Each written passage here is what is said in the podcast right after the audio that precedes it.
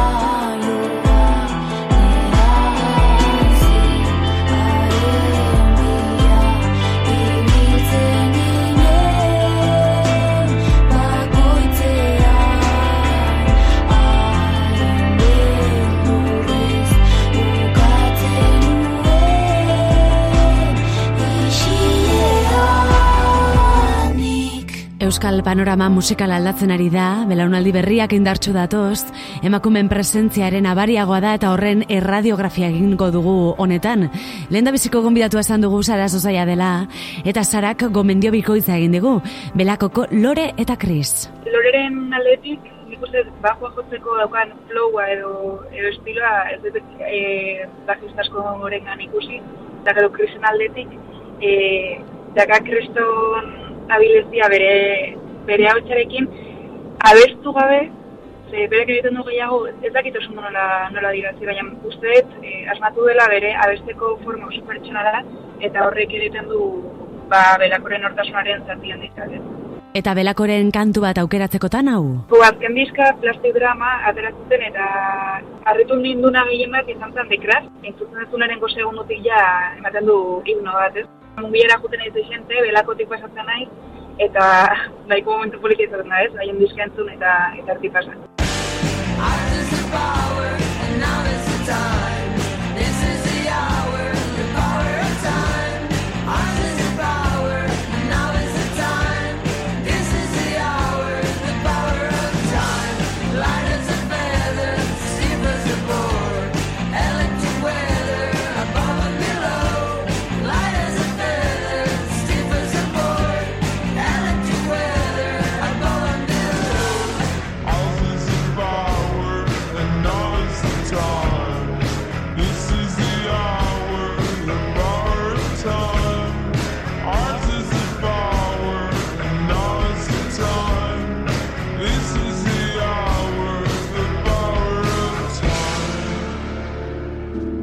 Belako, The Craft, Sara Zozaiak aukeratuta. Loren ekanek ere bere gomendio egin digu, eta donostiako talde hau begiz jota dauka. Ba, gomendatuko, neuke e, Merina Gris, bera nabeslaria asko guztaren jat, baina ezin da esan inkognito delako, baina, bueno, beran izena botako eta bizen barik eta sara deko izena. Eta zergatik Merina Gris. Guztia jat, zedekio lane pop e, gogorra, bortitza, eurek hori izaten dere, eta abestian em, letra be bai, ba, beldurrei aurre egiteko, norberan beldurrak, e, ba, alde batera utzi eta hor- horretan saiatzea, ez da? Eta hori elektronika puntu hori dekiena eta gero letra oso e, katxi, ez dakiz eran esan, euskeraz. Osa, geratu jat buruen sartunde eta gona egunetan egunetan entzun da entzun. Merina Gris saiatzen naiz. Espaloian etzen da, jende zinguratuta, dramaren izkilariz bizitza, dena ondo doala, ospatzeko beldurra, nire itxaron gelan, ametxen hankazora. Esan zenidan, esan zenidan, ez dela posible horrela bizitzea.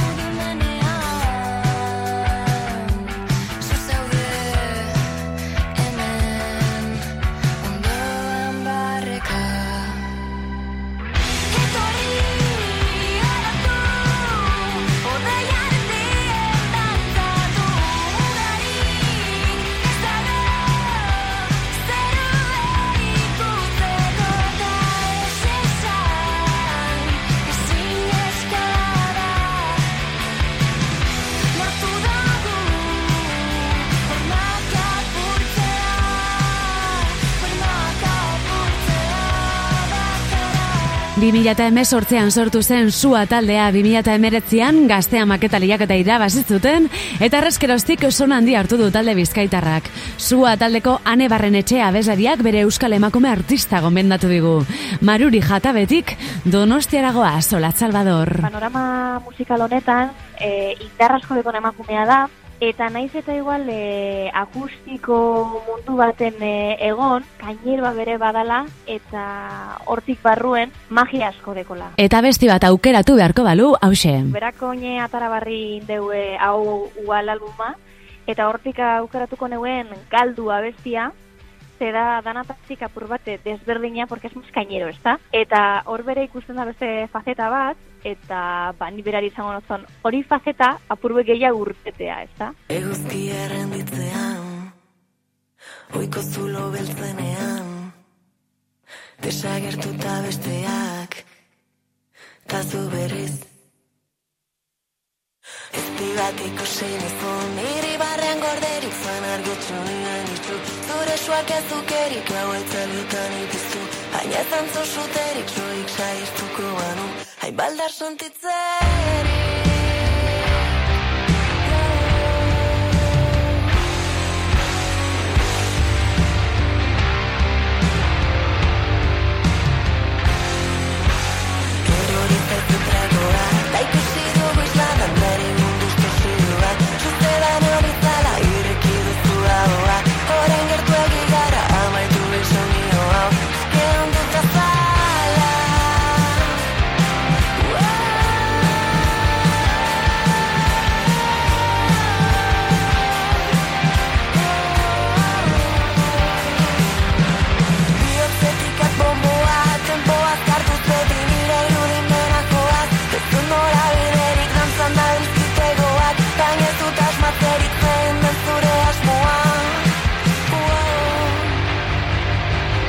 Bigarren diskoa kaleratu du Ola Salvadorrek AO ual izenekoa eta denok txora txora utzi gaitu. Eta aiztu basua taldeko ane ez da Olaz aukeratu duen bakarra, entzun hau. Bizi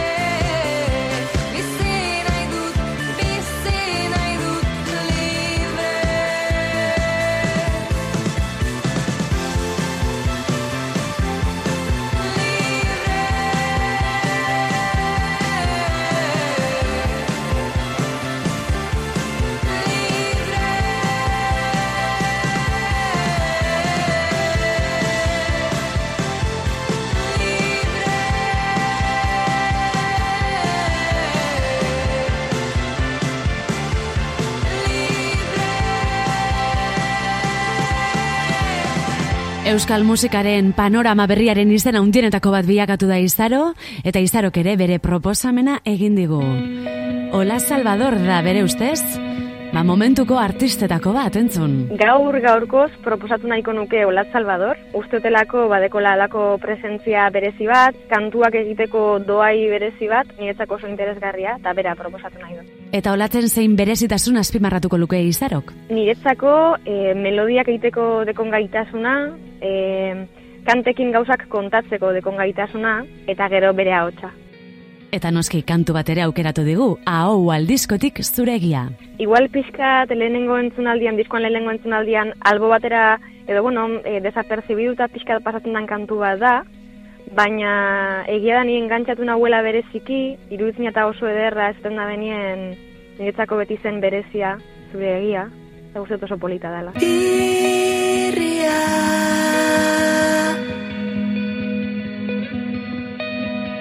Aurria Noraino eldaiteke gabezia. Niretzat beti zen berezia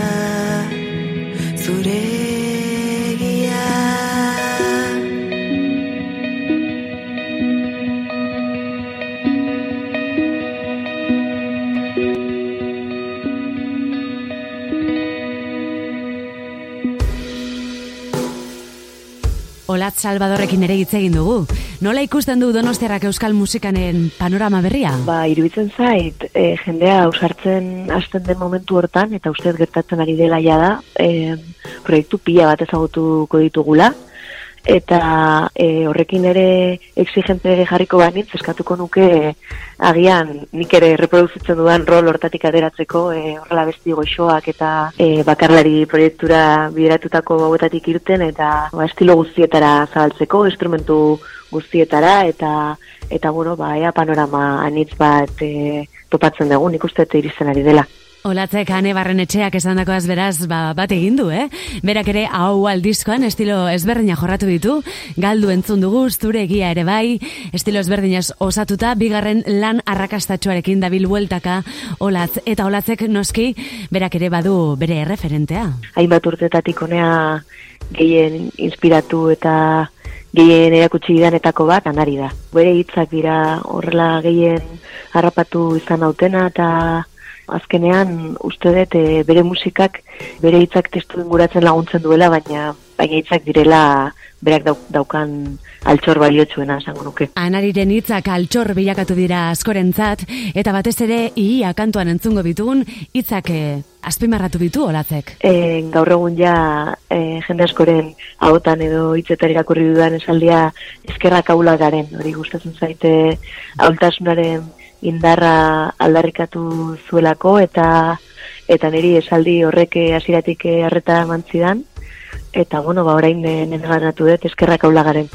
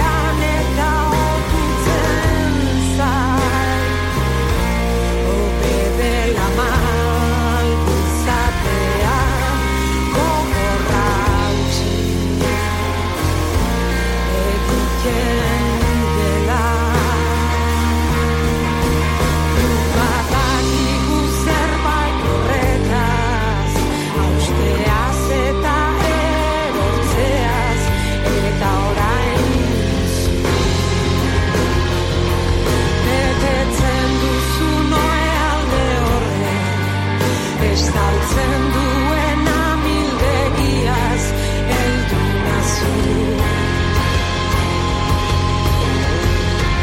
Anarik ere bere begirada erakutsi digu podcast honetan urtek emandako esperientzaren ondorioz, nola ikusten du euskal egoera musikala generoaren ikuspegitik. Ze generoaren eh, kontua, uste denboran beti eh, hori koma bat bezala da, eta eutxin bertzaioz, ez bazu eusten berriro bezaldea doa, ez? Ez inoiz ezingo dugu esan dana ainda da honikor, ze ainda, ainda dana, ez, bezaldea ainda indartsua, Baina alare, esango nuke, ba, bueno, segurazko momentu baten kantitatea izan dela ba, estrategia edo, eta nik oin esango nuke kalitatean ere ba, jarri berdeula pizkat begia, eta makume sortzaileen zean, ja sortzailean fosforitoa, sortzailean ere jarri daitekela, ez bakarrik eh, generoan. Eta interesgarria da oso diona, ez da, iritsiko da, edo iritsi da, akaso, generoa hitz egiten ez jarraitzeko unea, soilik sortzaile zaritzeko. Hala ere, orain arte generoak ere izan du bere garrantzia, eta erreferentzialtasuna gizonezkoena da edo izan da. Beti olaxe izan da eta jarraitzen du izaten mutilentzat. Mutilentzat erreferentziak, inungo mutilentzat erreferentzia maoz urtekin ez da izango e, realeko jokalari bat. Neska, nesken taldeko jokalari bat, aldiz neska askorentzat oindik e, oi hartzabalda ez da izan izango, eh, ez? Adiz, e, futbola edo musikan edo e, bai emakume asko daude, zagizer, baina bueno, berri txarrak gorka horbizu da eta gorka horbizu gizon bada. Ez dakit nik inoiz emakume batek lortu alko luken Ez dakit ez, ez de pentsatzen lortu alkohol lukenik gorka horbizu lorta, lortu duna. Gorka horbizu lortu dun dana beak e, egin dulako eta lortu du honekin ez diot kentzen e, gorkari me, e, mediturik noski, baino argi dago e, referentzialidade neutroa ikustez dana, markari gabekoa gizona da, oindik. Eta garrantzitsua alda emakumeek euren erreferentziak izatea, ikustea. Bai, argi dago ikusteak, tuteak, ba, ba horrek sortzen du normalidade bat, ordu normalidade horren barruan, ba, bueno, uste, e, gauzak gertatu egiten dire normal. Ez beti ematen zaion, e, zea, ez dakit epiko hortan, ez? Ez, bueno, argi dago, e, referentzialidadea, ba, ispilua dela, ez? Eta zorionez anari bada gazte eta ezain gazte diren pertsonen erreferente. Azkenaldian gainera bere kontzertuetan gazte asko ikusten ari dela kontatu digu, eta hori ba, postekoa da. Baina noski berak ere baditu bere erreferenteak, eta bat aukeratu beharko balu, hau. E, aukeratuko nuke, inungo duda izpirik gabe Euskal Herriko artistari handiena zeina kasualidades emakumea den. Kasualidades zen mundura hola etorri zelako eta nik aukeratuko nuke mursego. Mursego eta kantu bat, kantu berezi hau. Zaporeaken aldeko kontzertu baten, entzunun kasianoren itxasontzi baten, abestia jotzen autoarparekin, eta zaporeak, lesbos, torkinak, han, torkinak ona nahi eta eta zodiaketan naufragatzen eta itotzen eta hasi izan kantatzen e, itxasontzi baten Euskal Herritik kanpora naramate eta ez dakit nora, bo, olako korapilo bat egin zen ba, barruan, ez, han baita oso sensibilitatea, baino asko konpartitu genuen, ez. Itxasontzi baten Euskal Herritik kanpora naramate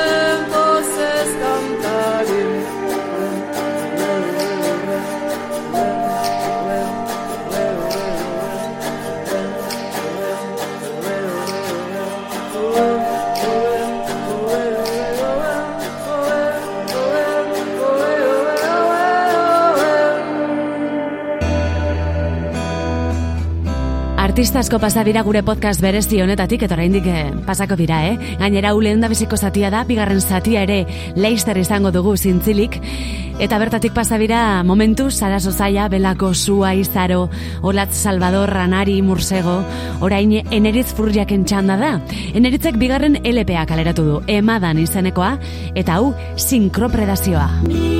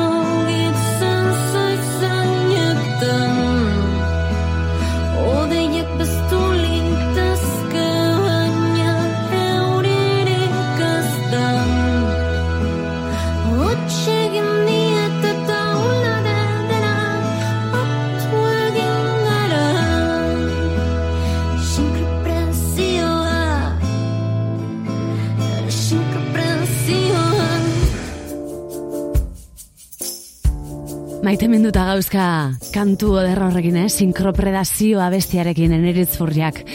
Eta eneritz maite duen talde antzutera goaz? Zerbait e, berezia gomendatzearren H aipatu behar dut. Egia da, ba, bueno, bere diskoan ahotsa entzuten dena gizonezkoarena dela, e, Peru Galbet entzuten dugu kantuan, baina, bueno, H da Idoia Hernandezen proiektu eta pianista da bera, eta, bueno, nik uste dut ere aldarrikatu behar direla, emakume instrumentistak eta kompositoreak, eta ez bakarrik mikrofono aurrean aritzen direnak. Hoi hartzundik dator H taldea eta bereziki Idoia Hernandezen talentua azpimarratu nahi izan du eneritzek. Eta aukeratu duen kantua Eros. Justu uste dudalako badela kantu bat nahiko deskriptiboa e, bere musika azaltzeko, ez? Eros mm, hitzaren zentzurik onenean delako nolabait ba askatzea pixka bat, e, ez dakit, e, soka guzti horiek eta esatea, bueno, egingo dugu jolas bat eta egingo dugu gugarena eta eta ez dugu ez diogu jarriko ba mugarik e, erotasun horri edo nolabait esan. Esa izan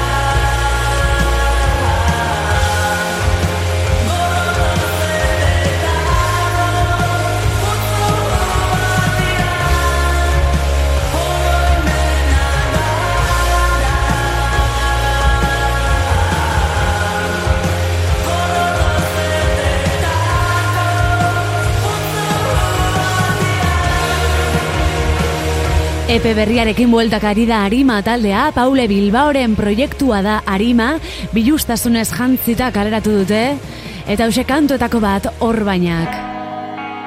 Eta Paulek ere, bere proposamena utzi digu, muskizetik baionara. Baionako talde bat aukeratu dut, horbel deitzen dena, eta bertan bi neska e, parte hartzen dute, Kamile eta Nelis, eta e, abeslariak dira, taldearen abeslariak, beste instrumentu batzuk e, jotzen duten arren.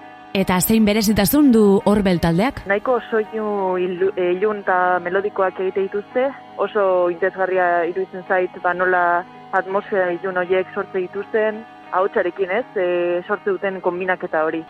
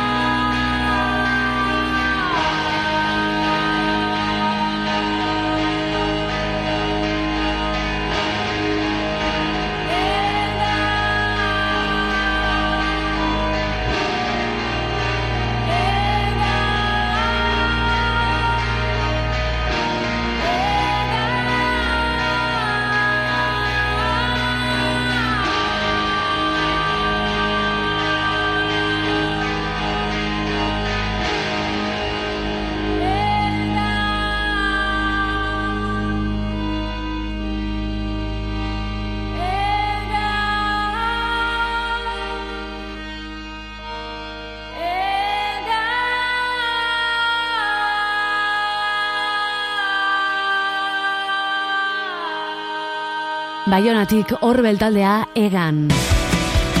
Eta Under Old diskoa irekitzeragoaz, nogen taldaren azken diskoa da hau, eta berau aurkezteko, hau aukeratu zuten mila aldiz.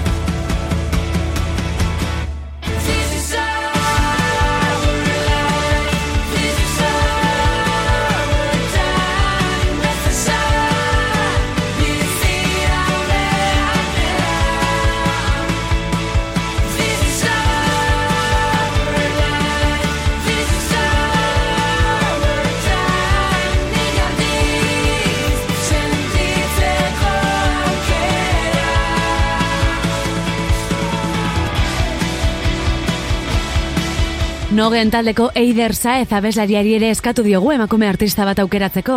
Aiora renteria aukeratu du gizonezkoena den munduan emakumeei bidea egiten laguntzagatik. Denoak igun ikuste ez musika mundu batez ere gizonen mundu bat dala, ez? Beste hainbat sektore bezala gehiengok e, gizonak die eta nik uste ba hola, holako indar berezi bat euki beharra ba, mundu hortan emakume bezala moitzeko eta jo, aiora renteria nik uste oso ondo egiten dola eta bai izan daiteke referente hon bat. Eta kantu bat aukeratzekotan, kea.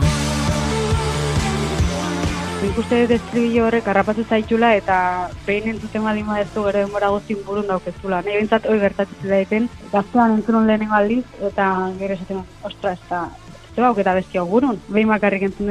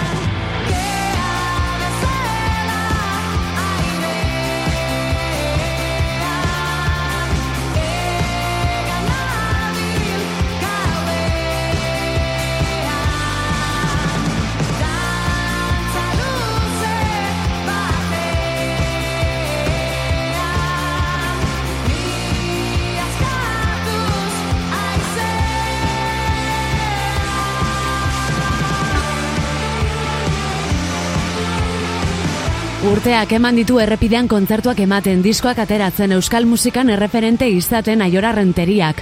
Euskal estena aldatzen ari da eta panorama musikal horri buruz ere hitz egin digu. Emakumeon e, mugimendu oso interesantea dago, pasadan urtean e, pilo bat onda piku batu ginean e, olako baskari baten, olako basar antzerako baten, eta oso dut hori, lan handia egiten ari dira beste batzuk ere gauza asko aurrera ateratzen, así que esperantza puntu batekin, baina hori, guardia edo hori ez ezin da, ezin da inoz bebajau, eh? Eta maitzeragoaz azken kantua entzungo dugu Aiola Renteriak berak proposatutakoa.